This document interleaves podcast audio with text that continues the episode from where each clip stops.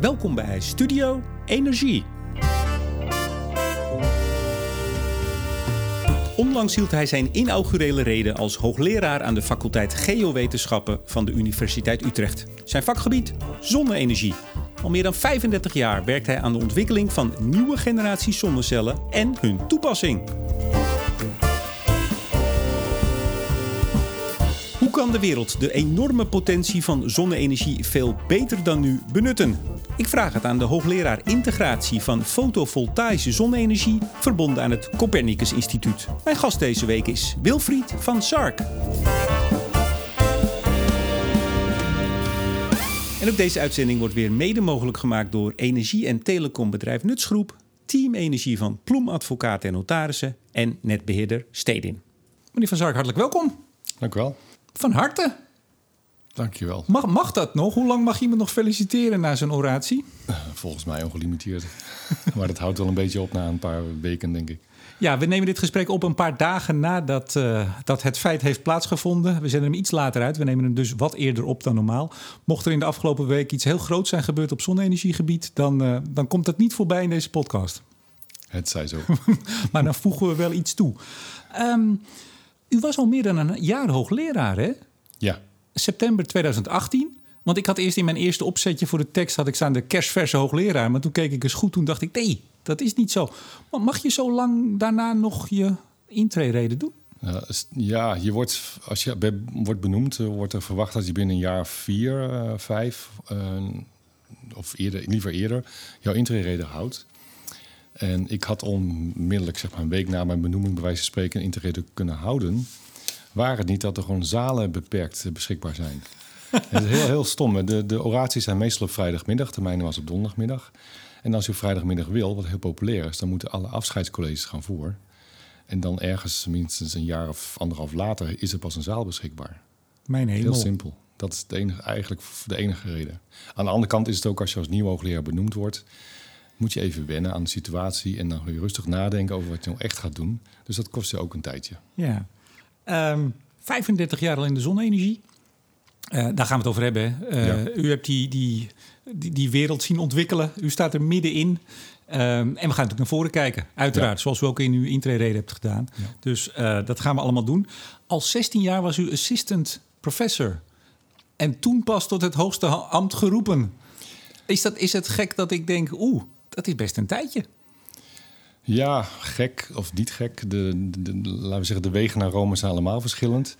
Sommige mensen zijn al op een 35ste hoogleraar. Uh, ik doe er wat langer over. Zoals ik ook in mijn intrede zei, uh, het is nooit te laat. en uh, voor, voor, allerlei dingen. Vader en moeder zagen het al, hè? Dat, dat jochie wordt hoogleraar. Hè? Precies, precies. Dat hebben ze nooit zo hard op gezegd. Maar ik zag het wel heel erg aan de manier waarop ze mij begeleiden en alles. Ja. Dus dat vond ik wel geweldig. Nee, het heeft te maken met, ik ben al lang UD geworden. Uh, op, toen nog bij de faculteit uh, Natuurwetenschappen. Weet iedereen wat dat is? wat, pardon? UD, UD? Uh, universitair docent. Um, daar zat daarna nog een keer hoofddocent tussen en daarna hoogleraar. En binnen docentschappen heb je ook nog uh, twee, of twee niveaus. Dus UD 1 en 2 en UHD 1 en 2. Dus het zijn allerlei stapjes die ik gemaakt heb. Maar de grootste stap is wel gemaakt doordat ik van de faculteit Natuurwetenschappen naar de faculteit Geowetenschappen ben gegaan. Het was het een, een vervelende tijd, een jaar of zes geleden, toen de faculteit Natuurwetenschappen moest bezuinigen. Toen hebben zij de hele groep Natuurwetenschap en Samenleving, die onder leiding van Wim Turkenburg, is toen overgegaan naar de faculteit Geowetenschappen. En dat gaf uh, veel mensen een, meer kans. En ook uiteindelijk voor mij ook. Dus dat heeft ertoe geleid dat ik binnen een jaar UHD was, dus hoofddocent. En daarna het traject naar hoogleraar was uh, een hobbelige, maar hij is uh, geslaagd nu. Ja, want ik heb uw cv er natuurlijk even bij gepakt. Ik geloof 36 pagina's, maar daar staan alle artikelen en alle publicaties er ook op. Maar het is inderdaad een, uh, een, een, mooie rit geweest vanaf 1971, het Sint Bonifatius College in Utrecht. Maar ja. daar gaan we de luisteraars verder niet mee vermoeien. Misschien dat er een aantal alumni van de, het Boni nu ook luisteren. Het, het, het, Boni. U, bent, uh, u hebt het licht gezien, uh, uh, of het licht is u getoond door Willy Wortel en Lampje, zei u in uw, in uw reden. En ook de, de onafvolgbare hulp van vader moeder. Nou, dat is wel vaker. Maar ook oom Piet. Wat heeft oom Piet voor de carrière betekend? oom Piet en, en zijn vrouw, tante Wies, Louise eigenlijk, die woonde in Den Haag. En oom Piet was een, is een fervent, was een fervent ADO-aanhanger. Um, een voetballiefhebber. En ik ben nooit met hem naar, de, naar het Zuiderpark, geloof ik, toen nog geweest. Maar hij kwam heel vaak naar Utrecht, waar we toen woonden. Stond langs de lijn als ik zelf moest voetballen. Uh, we hebben ontzettend veel lol gehad. En dat was een, een soort nou, tweede vader, wil ik niet zeggen, misschien iets te sterk, maar hij was wel heel belangrijk daarin. En zag gewoon ook wat ik allemaal deed. Ik had de Donald Duck, uh, daarna de jonge onderzoeker, de Kijk, hè, dat soort bladen. En dat, is, dat was heel duidelijk dat ik naar de beta-kant ging. Ja, en dan wel heel erg toevallig, want we hebben dit niet voorbereid... dat ik u heb ontmoet voor het eerst bij ADO Den Haag. Precies. op de tribune. op de tribune, waar, waar Stedin uh, een bijeenkomst hield. Uh, ik was daarvoor uitgenodigd omdat ze sponsor zijn van deze podcast. En u was daar, ja, waarom eigenlijk? Nou, ik was uitgenodigd namens uh, Stedin door Baarten de Brij... om ja, de opening bij te wonen van het, de laad, Laadplein... De, de, grote batterij die daar stond en de zonnepanelen, die combinatie daarvan... Helaas door het verkeer heb ik de, het drukke verkeer heb ik die opening net gemist. Maar ik mocht wel uh, een diner bijwonen en de, de wedstrijd. Ja. Waar ADO gewonnen heeft, geloof ik. Maar ik weet niet meer van wie. Ik weet het ook niet meer, heel eerlijk. Volgens mij hebben de luisteraars nu al te veel vermoeid met heel veel details. Uh, maar die vind ik altijd misschien wel het leukste. Even toch nog over uw cv, want u doet heel veel. Hè? Dat is altijd wel goed om even neer te zetten. Mm -hmm. uh, hoogleraar, ik zag uw areas of expertise. Nou, dat is een hele waslijst. Solar energy, smart grids, fotovoltaïk, uiteraard. Modeling, chemical vapor disposition. Het is een hele lijst. En u hebt ook nog heel veel nevenfuncties, zag ik. Ja. Uh, redacteur, redactielid van flink wat bladen, Solar Energy, Renewable Energy, noem maar op. We gaan het maar niet helemaal doornemen, maar u bent ook ondernemer. Ja. dat is een klein, klein, klein onderdeel uh, van al het werk. Uh, een paar jaar geleden, dat heb ik ook in mijn intrede gezegd, um, heb ik, omdat we werkten aan de zogenaamde Luminescent Solar Concentrator, die, uh, Doe die nog even één keer rustig voor de luisteraar, want die moeten even bij, uh, bijkomen ja, van dit woord. De Luminescent Solar Concentrator, of in het goed Nederlands de luminescente zonneconcentrator. En dat ja. zegt niet veel denk, meer, denk ik. Dat is een uh, interessant um, ja, ontwerp zeg maar, van een, een, gekleurde plaat plastic eigenlijk, waar de kleur die erin zit um, veroorzaakt dat je licht absorbeert en emitteert. En als je dat naar de zijkanten van die plaats stuurt, is dat waar je een zonnecel plaatst, kun je daar eigenlijk een transparant uh, zonnepaneel van maken of raam van maken. Dat, daar, werken al, of daar werken mensen al sinds de 70 jaar aan. Er is een beetje doodgebloed. Wij zijn het weer opnieuw gaan doen met andere soorten kleurstoffen die stabieler zouden zijn. En het bleef maar gewoon bij kleine plaatjes van een paar vierkant centimeter. Dus we dachten, we gaan het nu opschalen. Dus we maken een Mondriaan. Waarom niet? Electric Mondrian heet het bedrijf. Ja, precies. En u bent CEO? Ik ben CEO, ja. Ik heb het gewoon bedacht en opgezet. En uh, met mijn AIO, die is CTO, ja. Dat, je kunt noemen wat je wil. Nee, uh, uh, benoemen die je wil. Dus we hebben gewoon dat opgezet. We hebben hier en daar wat uh, geprobeerd in incubators... wat te proberen geld binnen te halen. Maar wat daar... Um, het, was, het is echt duidelijk een bij... Nou, verdiensten. Een, een nevenfunctie, omdat ik dacht... nou, misschien is het nuttig om eens een keer verder mee te gaan... Uh, maar het blijkt toch wel dat ik niet een ondernemer ben in hart en nieren. Want anders had ik het wel doorgezet. Maar, is... daar, daar was u toch misschien al eerder geworden. U bent wetenschapper. Ik ben wetenschapper, precies. Ik ben, Jullie wortel. Zoals alle, veel mensen zeggen, ik ben geen autoverkoper. Ik ben wetenschapper. maar, maar, ook even een kleine tip. Misschien de website een beetje gaan bijwerken. Want die, daar ben ik natuurlijk gaan kijken. Ja. Want er zit ook een soort bestelbutton op. Uh, ja. Maar, maar volgens mij kan het niet besteld worden. Nee, nee, nee, nee. dat ligt nog steeds uh, op de plank. Ja, ik vind het heel charmant. We komen er vast zo nog op. Um, enorme staat van dienst nu al. En de, en de mooiste jaren moeten nog komen natuurlijk, zeggen we dan als hoogleraar. Toch even terugkijkend. En dat is ja. heel lastig, denk ik, om te vragen aan iemand die zo lang al in zonne-energie zit. Maar goed, we moeten het van zon hebben. Hè? Ik bedoel, we willen ongeveer niks anders meer in Nederland. Geen kernenergie, we willen ook geen biomassa, we willen geen schaliegas en aardgas en fossiel. Zonne-energie moet het worden. Wat is nou die afgelopen 35 jaar, als u dat kunt hoor, uh, de belangrijkste ontwikkeling die u gezien hebt? Ja, als ik helemaal kijk, uh, het, is, het, zijn er denk ik twee, maar ik denk de voornaamste is toch wel de kostenreductie.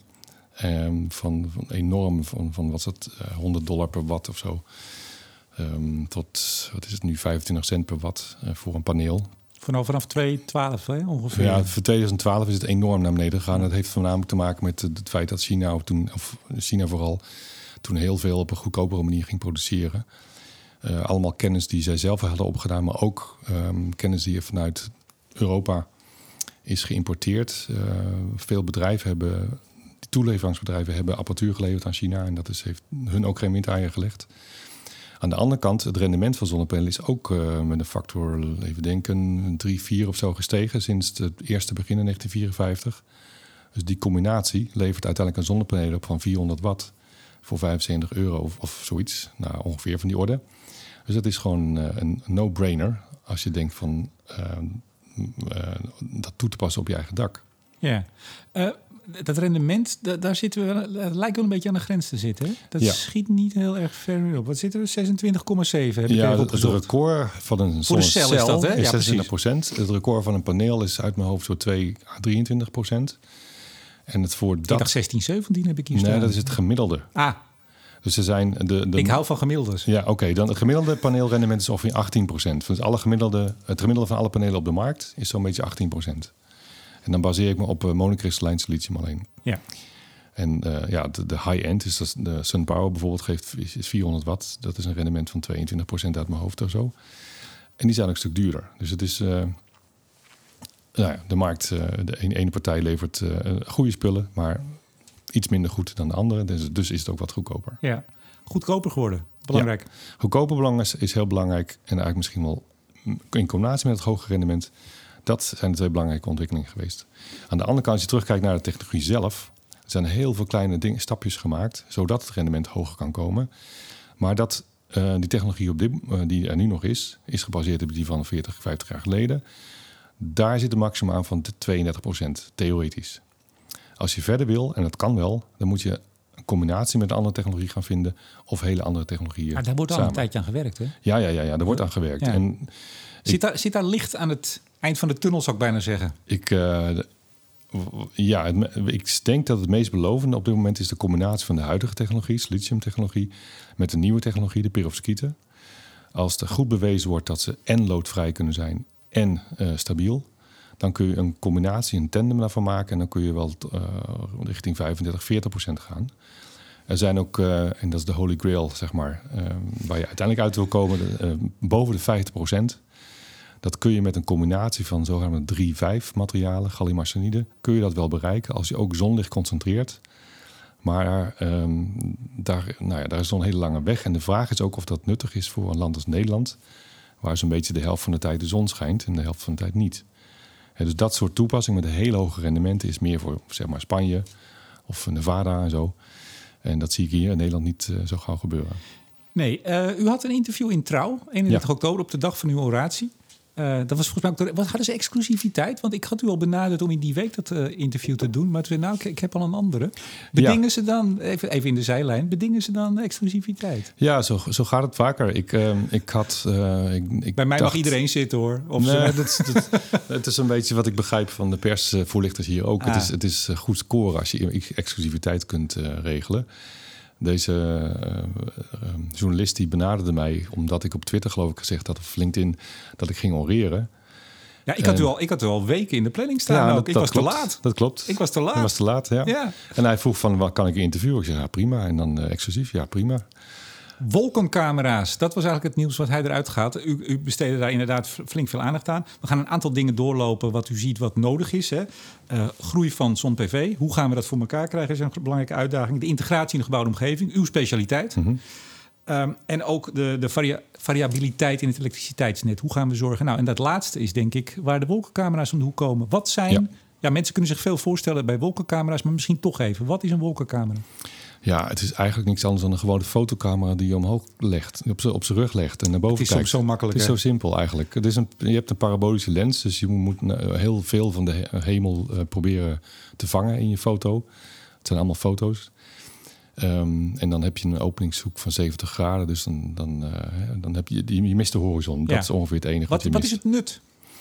Het nut daarvan is om um, juist de uh, kleinere wolkjes die voor, voorbij bewegen, die zorgen voor schaduw, uh, kortdurende schaduwen uh, en openingen in de wolken op de zonnepanelen. Dus dan krijg je kortdurende fluctuaties van het vermogen van de zonnepanelen. En enorm schitteren, flikkeren ja. van ja. uh, wel en niet. Precies, en dat kan van zeg maar vol vermogen tot 20% van het vermogen zijn. En als dat allemaal tegelijk gebeurt in een wijk, dan heeft de transformator het misschien wel moeilijk. En dat Misschien is, wel, of die krijgt het gewoon nou, moeilijk? Nou, die krijgt het moeilijk. Ja, op dit moment niet. Het hangt maar... af van hoeveel zonnepanelen er zijn in die wijk. Ehm, en en hoe die fluctuatie plaatsvindt ehm, over de hele stad bijvoorbeeld. Hoe groot de wolken zijn. Dat zijn allemaal van dingen van belang. Op mijn oratie was het, het woord wolkenkamer een woord van de dag. Maar het was een, een wolkeloze dag. Dat vond ik ook wel een mooie. En op een dag als vandaag, het interview, het is geheel bewolkt. Dus de wolkenkamer voegt niets toe aan het voorspellen van het weer.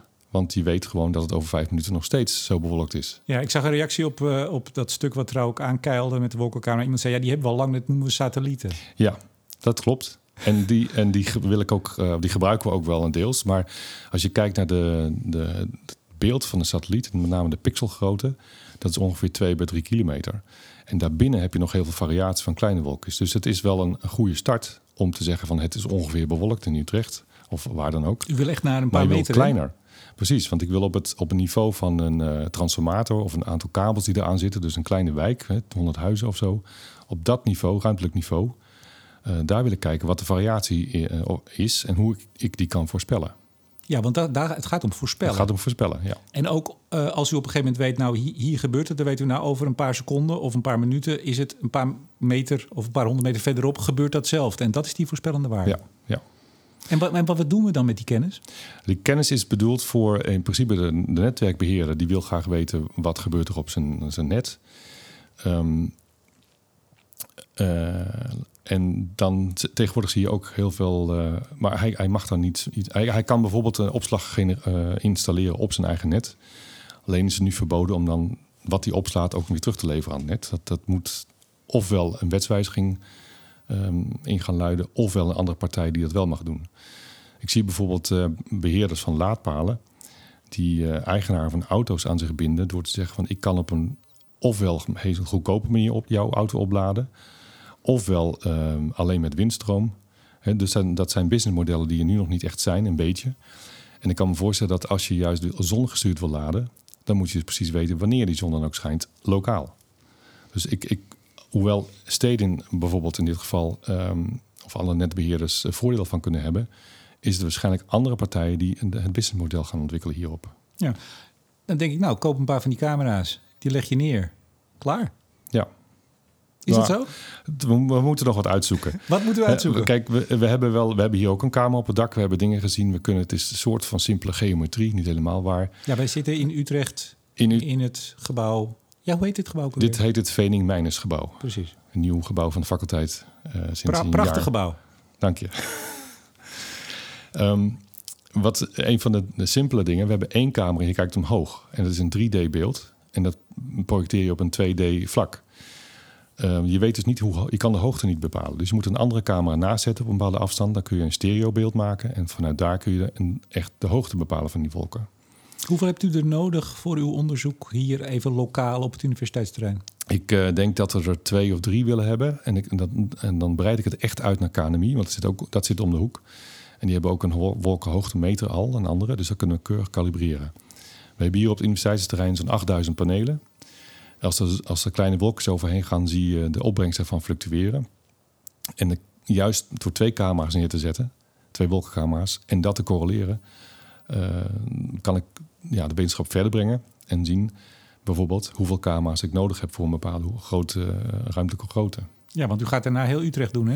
Dat is mijn bedoeling. ik in de plannen. Ik heb uh, bold gezegd van ik pak de 25 camera's, dan kan ik de hele stad zo'n beetje afdekken. Dat is wel een beetje gebaseerd op de gemiddelde wolkenhoogte, die vrij laag is van een kilometer. Als de wolken hoger zijn, dan heb je minder camera's nodig. Dus het is echt uitzoeken van ja, de, uh, hoeveel camera's zou ik eigenlijk ideaal nodig willen hebben. En aan de andere kant, hoeveel zijn er praktisch gezien mogelijk. Gezien uh, de weers, uh, zeg maar weers, weersomstandigheden die er meestal zijn. Is dit nou een, een onderzoekslijn binnen de groep? Of is dit een, even iets wat erbij gebeurt? Nee, of is nee, echt nee. Een, een hoofd? Nee, het is, maar het is PV-integratie. En het is niet alleen in gebouwen, wat een van mijn andere uh, takken is van sport is, maar ook integratie in het net. En juist die fluctuerende PV plus de vraag van EV, elektrisch vervoer, auto's, ja, dat zorgt dat het net uh, wat lastiger te beheren is dan vroeger. Dus het integratie in net, daar hoort solar forecasting, zonvoorspellen, hoort gewoon bij. Ja, en die integratie, dat is een mooi woord, BIPV. BIPV, Building Integrated Photovoltaics. Oftewel ja. BIPF. BIPF, ja. Maken we er dan maar van. Het is al een, in Nederlandse afkortingen zijn uh, gebouw geïntegreerd. De zon PV, nou. Ja, want om het, om het meteen maar even heel kort te zeggen. Uh, u ziet dat alle oppervlaktes, en u bent natuurlijk niet de eerste die dat ziet. Uh, maar u bent wel iemand die er heel hard aan werkt. Uh, alle oppervlaktes, buitenoppervlaktes, worden uiteindelijk zon op, of, pardon, stroomopwekkende oppervlaktes. Ja. Nou, ook daarvan de vraag, hoe, hoe moeilijk is het? Ja, het is, het is niet moeilijk, nee. Ik heb ook de afgelopen tijd goed te kijken wat voor bedrijvigheid er is op dat moment, eh, op, op dat uh, vlak. Ook, en, en kennisontwikkeling. We hebben hier uh, eh, ACN, nu, nu TNO.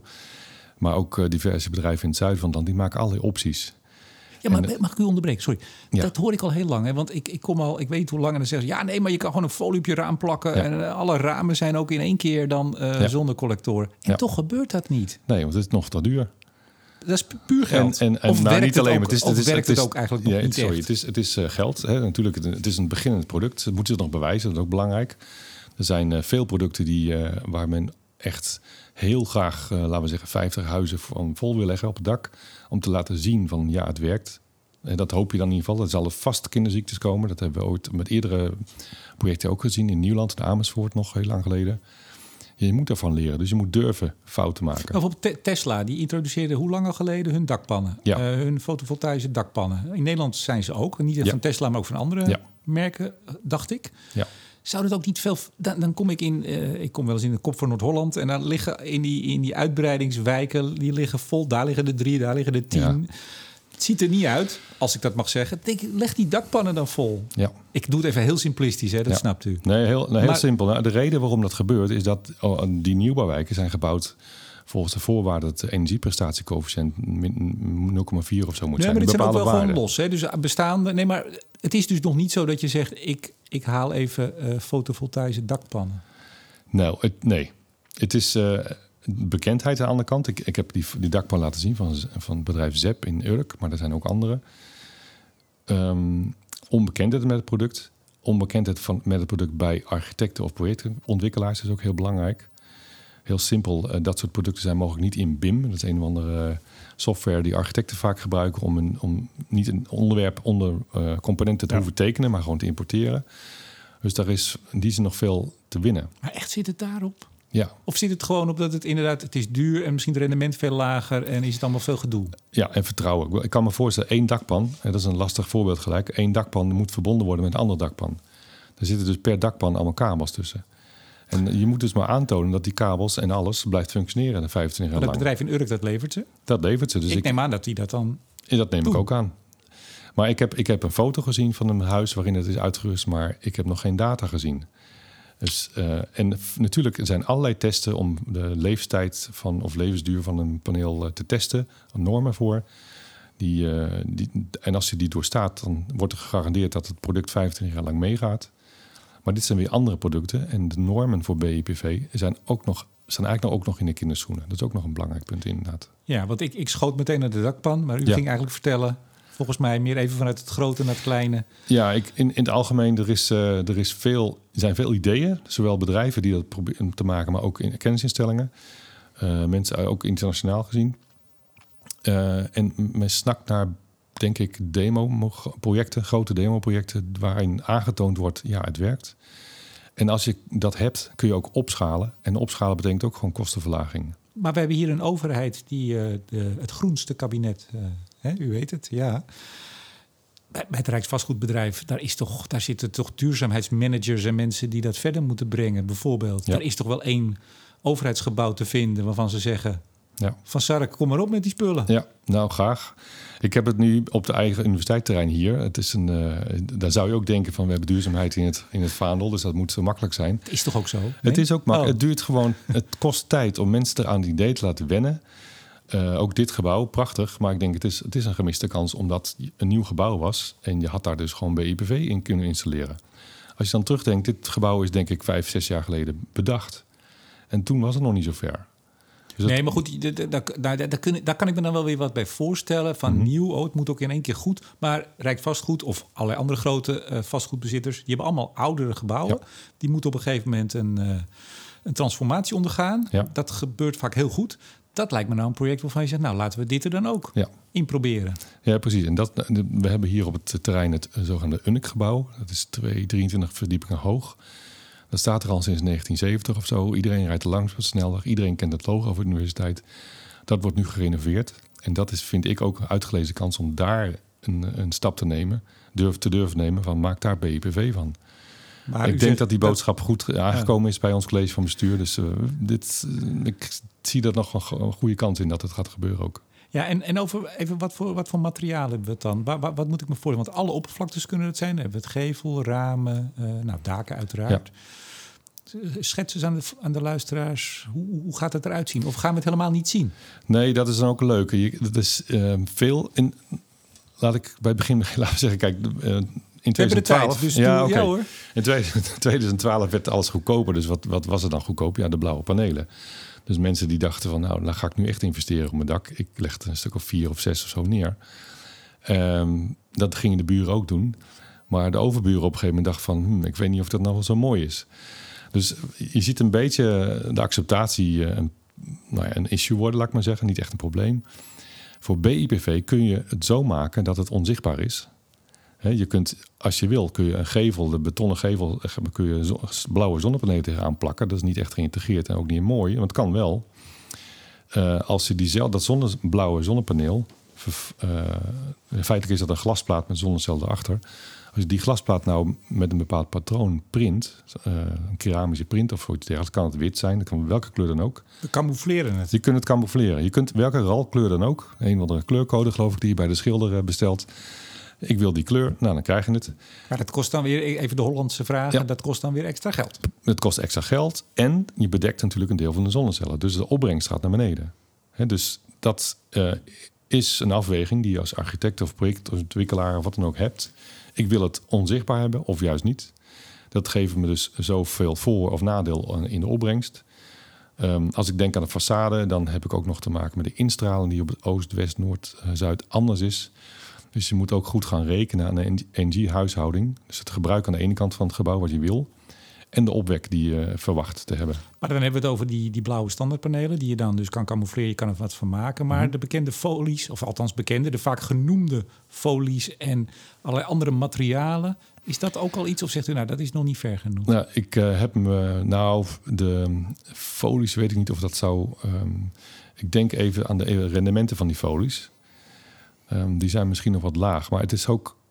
Um, nee, even, even, hoogleraar, misschien nog wat laag. Even iets concreet alsjeblieft. Ja, ik, als ik denk aan de, aan de folie die um, bijvoorbeeld in door Hyatt Solar wordt ontwikkeld in, uh, in uh, Arnhem, hebben die een rendement van 7% of zo. Iets dergelijks, 8% misschien. Hebben we het dan weer over gemiddeld of hebben we het over echt uh, top? dat is uh, wat hun product. Dat okay. is dus een gemiddeld, ja, gemiddeld product rendement van hunzelf. Er zijn uh, dan de standaard siliciumpanelen hebben 18%, zoals we het eerder zeiden. Als je ze kleurt, dan gaan ze misschien naar 15 of, of 13, 14. Er zijn ook andere dunne filmproducten. Uh, um, dat is een dun laagje zonnecel op een glasplaat. Zoals uh, cadmium telleride bijvoorbeeld van First Solar of CIS, koper indium selenide. Wat ook in Eindhoven bij Solines wordt er onderzocht. De kenners die zitten allemaal te knikken achter de, ja, precies, de, dat snap de, de koptelefoon. Maar die, de rendementen van dat soort oplossingen... die zijn uh, 12, 13, 14 procent. Dus die zijn al hoger dan de folies. Ja, en dan zegt u, uh, dat rendement is nog niet eens zo heel erg belangrijk. Als je hele grote oppervlaktes daar tegen een aardige prijs mee kan volleggen, prima. Ja, en ik zie folies uh, heel duidelijk op, op daken van misschien distributiecentra... waar het dak niet zo sterk is. Dan heb je een lichtgewicht zonnepaneel nodig. En dan is een folie een hele goede. En als we het toch even over geld hebben, als we het nou eens uitdrukken in opbrengst per vierkante meter of per, nou ja, whatever. Waar praten we dan over? Hoeveel duurder, want dat is het nog, hoeveel duurder zijn dan dit soort nieuwe oplossingen nu? Um, ja, dat is ook een, dat is een hele goede vraag en een moeilijke om te goed, Meestal, goed ik zeggen, als mensen zeggen goede vraag, dan, dan is het vooral een hele lastige. Het is een moeilijke, nou ja, lastig ja. Het is een hele goede vraag, maar lastig te beantwoorden. Zo moet je dit zeggen. Of is het gewoon nog niet eens ver genoeg om überhaupt die vergelijking te kunnen Jawel, ja, nee, er wordt gekeken als je naar een, even naar een façade kijkt van een typische kantoor, kantoorgebouw, wat of glas is of marmer, mar, marmer. Dan wordt er gekeken wat is de meerprijs ten opzichte van een façade die je anders zou bouwen. Dat is een bepaalde meerprijs en soms een minderprijs zelfs. Maar daarnaast heb je het voordeel dat het ook nog energie opwekt. Dus je hebt ook nog eens een economisch voordeel gedurende de levensduur van dat uh, paneel. Aan ja, want je vergelijkt die façade niet met je blauw paneeltje op het dak leggen. Dat is van een andere orde. Ja, ja. ja een paneeltje op je dak hè, uh, voor consumenten zal het ongeveer neerkomen op 10 cent per kilowattuur of zoiets dergelijks. Als je eruit gaat dat het 25 jaar lang blijft functioneren op je dak. Dus dat is, nou ja, je betaalt normaal 22, 22 cent aan de mm energieleverancier. Dus dat is een, uh, nou ja, dat is ook een no-brainer. Dat ga je gewoon doen. Maar façades, um, grote gebouwen of grote partijen hebben vaak een veel beter uitonderhandeld uh, prijs voor een stroom. Van de orde van 10 cent. Mm -hmm. Dus het is lastiger om daar tegen te concurreren met façades die eigenlijk pas kort goed zijn ontwikkeld. Ja, u, u zei net, uh, het is vooral nodig dat we grote demonstratieprojecten hebben. Is dat het enige wat nodig is voor een doorbraak of wat is er nog meer nodig? Het, het demonstratie geeft vertrouwen, hè, aannemen dat het goed gaat. Maar het geeft ook, uh, vertrouwen is ook belangrijk voor bijvoorbeeld banken die gaan investeren in de opschaling van de fabrieken. En dus één ding, vertrouwen is belangrijk, uh, maar het moet ook leiden tot een grotere markt. En er wordt vaak gezegd, de, de BIPV-markt is van de orde van 1% van de globale markt, of überhaupt de markt. Van de nou, zonnemarkt. Van de zonnemarkt. Ja. En dat is natuurlijk een, dat is al heel groot. In, wereldwijd heb je nu 600 gigawatt. Uh, en dat wordt dan, als dat 6 gigawatt BIPV zou kunnen zijn, dat is al fantastisch. Um, maar uiteindelijk, en dan, dan kom ik toch weer terug op uh, de, de gebouwprestaties en energieverbruik van gebouwen. De, de Europese regelgeving, en dat is ook vertaald in de Nederlandse regelgeving, zegt, um, stelt een bepaalde norm voor het energieverbruik en de opwek lokaal van die energie. Dus dat is een uitgelezen kans voor PV. Op wat voor manier dan ook. Zichtbaar of niet. Dus dat wordt de doorbraak. Ik, ik, denk dat we niet anders kunnen. Als je gaat uitrekenen, alle, de daken zijn niet, of simpelweg uh, niet voldoende voor de gehele gebouwde omgeving. Dus façades zijn nodig. Industrieterreinen zijn nodig met hun daken waarschijnlijk ook nog een park hier en daar om een stad heen. Uh, dan heb je een lokaal, denk ik, energie-neutrale gebouwde omgeving. Dat is dan mogelijk, denk ik, ja. Hm. Maar u zegt vertrouwen is het allerbelangrijkste. U hebt het over hè, banken moeten ook vertrouwen hebben om fabrieken te, te financieren. Er zijn een aantal banken in Nederland, Triodos, ASN, uh, die heel erg voorop willen lopen. Misschien ook wel lopen, zijn ook vrij kleine, dat kan ook. Merkt u dat daar dan toch nog uh, gereserveerdheid is of staan die ook klaar? Ik vind dat zo lastig. Hè? We moeten vertrouwen hebben. Nou ja, er zijn grote partijen die hebben veel gebouwen, die kunnen dat zo doen. Misschien een centje meer mm -hmm. uh, erop leggen. Mm -hmm. Banken zouden dat kunnen financieren. Waar, waar ja, misschien, ja. waar hangt het dan? Ja, ik, ik weet het niet. Ik kan het niet duiden, want ik heb geen niet contact met banken. Ik zie aan de andere kant dat bedrijven die willen groeien heel erg veel moeite hebben om financiering te vinden om te groeien. En dat komt dus, uh, nou ja, investeringsfondsen, venture capitalists zijn er niet zoveel in Nederland, volgens mij. Uh, banken, ik denk inderdaad ASN Trio dat moet makkelijk zijn. Ik denk ook wel dat ze wat ondersteunen. Um, hoe heet het ook weer? Wind, uh, Meewind geloof ik is een financieringsfonds waar heel veel particulieren in zitten. Die steunen vooral projecten. Maar die projecten leiden wel tot een groei van een bepaald bedrijf. Want die moeten natuurlijk wel dingen aanleveren. Ja, en dit dus, valt ook nog helemaal niet in de, in de SDE-achtige subsidie. Nee, nee, er is nu. Uh, ik geloof dat de opkomende SDE een uitzon, een extra categorie voor drijvende zonnepanelen geeft. En ik hoop dat, dat, dat ze dat ook zouden doen voor gebouwgeïntegreerd PV, maar dat is niet uh, gebeurd. Enig idee waarom? Ja, te zwakke lobby kan ik misschien zeggen. Nou, het is ook lastig, want je weet gewoon als je een, een optimaal uh, gepositioneerd zonnepaneel zegt, dan, dan, dan weet je, heb, wek je op wat ik wil een bepaalde hoeveelheid energie op maximaal. Op een façade is dat gewoon minder. Dus de vraag kan zijn: waarom zou je iets subsidiëren wat minder opwekt dan je dan maximaal zou kunnen? Ja, maar u zegt, u doet hier natuurlijk eigenlijk gewoon de oproep. Uh, Doe het wel, ja. Ja, nee, maar zorg voor subsidie voor uh, gebouw geïntegreerde ja, PV. Want anders kun je niet de doelstelling van de energie-neutrale gebouwde omgeving halen. Nou wordt net die salderingsregeling, uh, die wordt vanaf 2023 afgebouwd. Ja. Bent u niet bang dat het beeld gaat ontstaan van nou dat zonde, het loopt wel, dat bedruipt zich wel. Bijvoorbeeld door zo'n afbouw, dat heeft geen steun meer nodig? Nou, dat, dat uiteindelijk wil je inderdaad helemaal geen steun meer hebben. Ook als, als, dan heb je ook een, dat zegt ook Holland Solar, we hebben een gezonde markt. Die, een gezonde markt is gezond als je geen subsidie nodig hebt. Um, ik ben geen econoom, maar dat hoor ik. Ik denk dat, dat ze er wel gelijk in hebben. Dus uiteindelijk, uh, wat er dan gaat gebeuren als salderingsregeling um, loopt af en die is gebaseerd, die is bedoeld voor particulieren vooral. Het hebben we niet over façades en zo, dat is heel wat anders. Ja, die loopt af omdat de, met als uitgangspunt de terugverdientijd van zo'n installatie zal niet veranderen tussen de zeven en de vijf jaar blijven. Nou, prima, denk ik dan, want het blijft, blijft 25 jaar lang op je dak. Als je wat er dan wel gaat gebeuren, is dat dus de stroom die je gaat terugleveren, daar krijg je dus steeds minder en minder voor.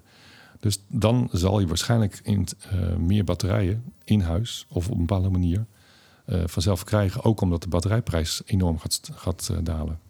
Ja. Dus ik denk dat dat ook leidt tot lokaal genereren, lokaal gebruiken.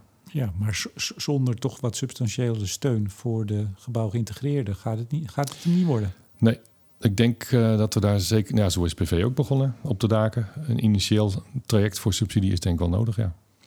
De PV Roadmap. Ja. Wat is dat? Nou, dat is de, de, een van de vele wegen naar Rome om te komen tot een, uh, een enorme hoeveelheid PV in, in Nederland, in dit geval. Ja, maar hoe ziet die eruit? We gaan. Uh, u, u, had het erover ja, in, we, in we de hebben, Precies, er zijn veel meer exercities geweest om te bepalen wat is nou hoeveel was het oppervlak wat we kunnen gebruiken. Deze roadmap hebben we samen met ECN en TKI Urban Energy gemaakt. Wat, welk, hoeveel oppervlak is er? Uh, agrarisch, gebouwde omgeving, op water. En dat, dat, vooral op water is echt de eerste keer dat we dat hebben meegenomen. En gaan nou eens uh, niet heel gedetailleerd daken tellen, maar wel uh, gedetailleerd zeggen waar zou het echt op kunnen, hoeveel oppervlak is er beschikbaar. En dan criteria, wat kost het? Um, waar heb je steun? Hè? Um, maatschappelijke steun dan. Lokaal opwekken, liefst. En, en lokaal gebruiken. En lokaal gebruiken. Dat soort argumenten zijn geacht, eh, zijn er, liggen daar aan de grondslag. Toen zijn we gaan tellen. Dat betekent van de orde van 1% agrarisch land, 0% natuur. Um, ik weet niet uit mijn hoofd, een paar 5% of zo op de Noordzee, zoiets dergelijks. En dan kom je uiteindelijk op 240 gigawatt uit, of 237 gigawatt uit. Dat is, uh, en terwijl er nu eind van dit jaar ongeveer 7 gigawatt zal gaan staan. Ja, en, en vorig jaar 4 zaten Vorig jaar 4. Dus het afgelopen jaar, of dit jaar, in 2019, is er enorm, enorm veel gegroeid. Ja. ja. alleen jammer dan dat niet alles kan worden aangesloten. Um, ik, ik denk dat er dus nog veel meer zou kunnen zijn gegroeid als er, als er wel had kunnen aan worden aangesloten. Ja. Maar, maar dus u heeft, uh, inderdaad, het is vaker gebeurd, maar u hebt het heel, toch heel uh, gedetailleerd gedaan. Gekeken van nou, wat kunnen we dan op, hè? die bijna 240 gigawatt. Wat zei u nou, 1% agrarische grond? Zoiets, ja. 0% natuur, maar een flinke hap ook op de Noordzee. Gingen we daar nou niet juist wind doen? Ja, maar dat is het leuke. Een wind staat er dus al. De, even, even aannemen, het komt er. Komt er en, en, er komt er en er ligt een stopcontact. Even kort de bocht. um, dus eh, waarom niet dan gewoon zonnepanelen drijvend tussen de windmolens neerzetten? Je, je hebt geen extra oppervlak nodig. Je hoeft ook niet alles vol te leggen, denk ik. Je moet daar goed aan kijken hoor. Er moet natuurlijk ook de ecologische aspecten moet uiteraard naar, worden gekeken. Uh, er wordt al gezegd, ja, als je een, een, een, weet ik veel, een hectare neerlegt, dan gaan uh, allerlei zeeleven daaronder kan gaan groeien, mosselen, noem maar op. Ook dacht dat het gaat dood. Nee, andersom. Oh. Dat kan ook. Hè. Er wordt, komt een andere soort ecolo ecologisch of omgeving. Ja. Dat is net zo goed bij zonnepark. Waar ook de ene zegt het is slecht voor de biodiversiteit, de ander zegt het is beter. Als je gaat zaaien, komen een hele andere. Het is toch grappig dat u zegt, de een zegt, de ander zegt. U bent een wetenschapper. Ja. Uh, het lijkt me dat je dat kan onderzoeken. Dat is zeker zo. Ik ben uh, geen ecoloog, dus ik heb gelukkig mensen naast mij die dat uh, wel zijn. En dat zijn ook een van de activiteiten die we gaan ondernemen om dat eens goed op een rij te zetten. En dat kost gewoon tijd, want ja, een, een biodivers landschap moet zich ontwikkelen. Maar, maar, maar, even, want u zei dit ook al in een bijzin, uh, uh, of, althans een van de aspecten waar u naar keek is steun voor, voor zon. En dat gaat ook over uh, de, de, buren die misschien zeggen, en straks heel veel buren die zeggen, wat ziet het er lelijk uit, ik wil het hier niet. Mm -hmm. er is best wel veel verzet tegen de grootschalige ja. zon-PV op, op agrarische grond of op weilanden of whatever. Um, maar er staan toch een aantal, die zijn er al een tijd. Uh, dan, dan, kunnen we toch kijken eronder wat voor beestjes er uh, kruipen ja. en zitten. Ja, maar dat klopt. En dat hebben we ook wel gedaan. En de resultaten heb ik nog niet helemaal goed gezien. Maar het, het, uh, wat ik daarvan zie is dat die parken zijn gebouwd om maximale opbrengst te hebben. En dan kun je uitzoeken wat is dan het effect op de biodiversiteit daaronder. Als dat negatief is, dan moet je dus iets anders gaan bedenken. En dan moet je een combinatie van een ontwerp van een park hebben die, die misschien minder opbrengst, opbrengt in termen van energie, maar voor de biodiversiteit beter is. Maar weten we dan al, zegt u nou toch dat we eigenlijk al weten dat het als je het maximaal nee, nee, nee. Nee, nee, dat, nee, dat weten we niet. Nee, nee dat, is te, te, te, onduidelijk op dit moment nog. Om, dat kan ik niet hard maken nog. Te, te weinig uh, projecten ja. kunnen onderzoeken. Ja. ja. een van de hele simpele manieren, en dat zeg ik, word ik hier in, in het instituut wordt het ook vaak gezegd, als je een, een landbouwgrond hebt, dat is het tamelijk niet biodivers. Als je daar een PV-park op maakt, dan gaan er vanzelf veel meer grassen groeien en is, wordt het veel biodiverser. Het heeft niet te maken met het PV-park, het is eigenlijk gewoon ander beheer van dat stuk land. Dus als je daar goed over nadenkt, nou, dan is het, kan het gewoon wel. Dan kan het goed zijn voor de biodiversiteit als je een goed ontwerp uh, zonnepark maakt. Ja, en dan zeg ik, ik, ik ben geboren in dit dorp en ik, er liggen nu 200 voetbalvelden van die glimmende dingen. Dat wil ik niet. Nee, dan betekent het dat de, dat soort tegenstand um, moet wel meegenomen worden in, het hele in de planning van het geheel. Want ik denk, als, als je dat blijft houden, en ik zie het hier in Utrecht gaan we dat ook meemaken, denk ik, voor 200 hectare.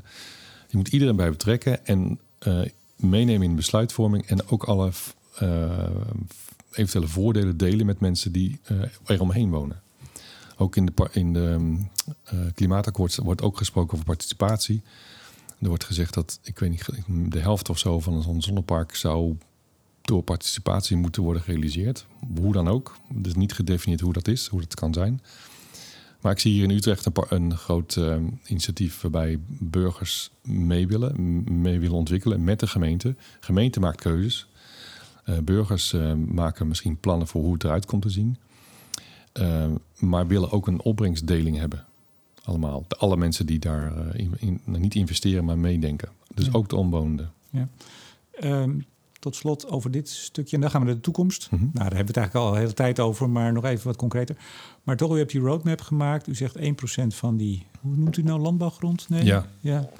Um, u bent van de gebouw geïntegreerde. Kunnen we nou niet gewoon, dat zou zo fijn zijn, dat we het, al die gebouwen die we dan toch al neerzetten en moeten neerzetten, dat we daar, hebben we daar genoeg aan? Nee dus. Nee, daar hebben we niet genoeg aan. Maar het is wel, dat is ook, linkt ook naar de zonneladder die ook wel genoemd wordt.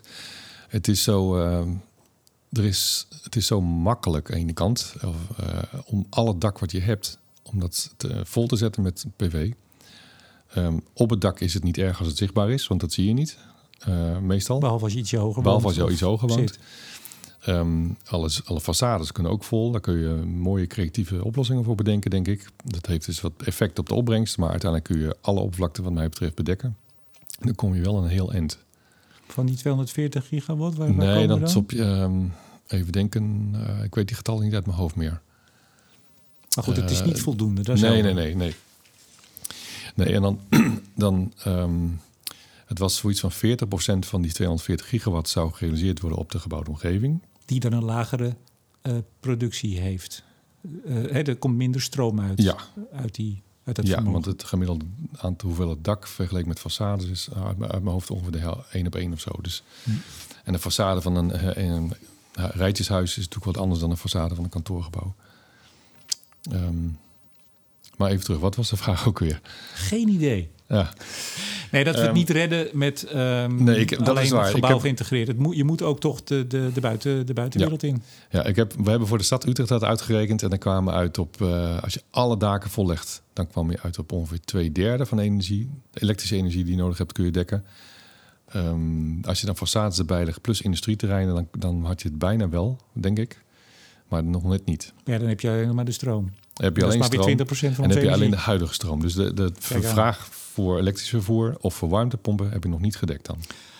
Wat ziet u de komende, uh, ik zou zeggen, de komende 35 jaar? Want Ja. u, u bent nog een jonge kerel, uh, weliswaar, met 35 jaar ervaring. Wat, of wat, wat, ik zeggen, wat, wat droomt u van? Want u zit al uw, hele- uw hele werkzame leven in de zon. Wat wil u nog zien gebeuren? Ik wil die hele groei, de enorme groei die ik de afgelopen jaren heb mee, gezien, uh, heb gezien, die wil ik graag zien dat dit de komende 10, 15, 20 jaar doorzet. Als ik dan nog leef. Ik hoop dat ik tegen de helft van de eeuw nog zie dat er, uh, nou laten we zeggen, 100, nou, 200 gigawatt staat in Nederland. En een vijftigvoudiging dus van precies, vorig jaar. En, en dat het zo is geïntegreerd dat je gewoon niet ziet en niet doorhebt, maar gewoon weet, eigenlijk ergens deep down, dat je je eigen energie, uh, of de energie in de eigen gebouwde omgeving, dat die gewoon wordt opgewekt door het gebouw zelf. U werkt aan het volledig onzichtbaar maken van uw werk. Zoiets. Dat iedereen zegt. Wat heeft die van Sark al die jaren zitten pielen? Ja, dat is een onzichtbare hoogleraar. Precies, ja. Ja, Nee, het, ik denk dat het... uh, ja, we, zijn, we hebben overal last van in het land. we hebben veel te veel auto's, veel te veel dit, veel te veel dat. En um, uh, uh, niet dat je auto's onzichtbaar moet gaan maken of zo, maar um, ik denk dat PV... u hebt er geen Is- één, toch? Ik heb er geen een. nee. Ik Nee. heb er wel een, sorry. Ik heb een Oh. hele oude, maar ik gebruik Ah. hem bijna niet. Oké. Um, uh, ik denk dat ja, PV is hard nodig. En het, je kunt het ehm, onzichtbaar maken, is misschien te hard gezegd, maar je moet het wel één laten zijn met de omgeving. En dat kan volgens mij heel goed. Tot slot, echt tot slot. Uh, u hebt het eh, oor nu van ook heel veel mensen binnen de overheid. Uh, bedrijfsleven luistert, de sector luistert. U hebt vast nog wel wat oproepen. Oh. Laten, we, laten we er niet te veel doen. Maar nee, u, hebt, u hebt ze nu. Wat moet, wat moet de partij gaan doen in uw ogen? Nou, in mijn, in, ja, ik denk dat het heel goed is om de nadruk te leggen op BIPV, gebouwgeïntegreerde PV. Van hoe kunnen we façades omvormen tot energieproducenten? Of, gebouwen eigenlijk om, eh, om daarin uh, daarvan maken. De, de regelgeving, de BENG-regelgeving die er is of zal komen, geeft wel een goede zet allemaal, denk ik. Maar ik denk dat om die industrie ook in Nederland te ontwikkelen, dus ook voor de Nederlandse economie, is het belangrijk dat er steun komt. Zodat in ieder geval je eigen, dat je een eigen afzetmarkt misschien wel creëert. Uh, en dat geeft ook enorme exportmogelijkheden, denk ik. Dus ik denk dat de politiek daar juist, uh, zeker met ons groene kabinet, uh, daar vuist kan maken en daar initiatief in kan nemen. Ja. Van Zark, hoogleraar integratie van fotovoltaïsche zonne-energie aan de Universiteit Utrecht. Copernicus Instituut, zeker niet vergeten. Hartelijk dank voor het gesprek. Dank u wel.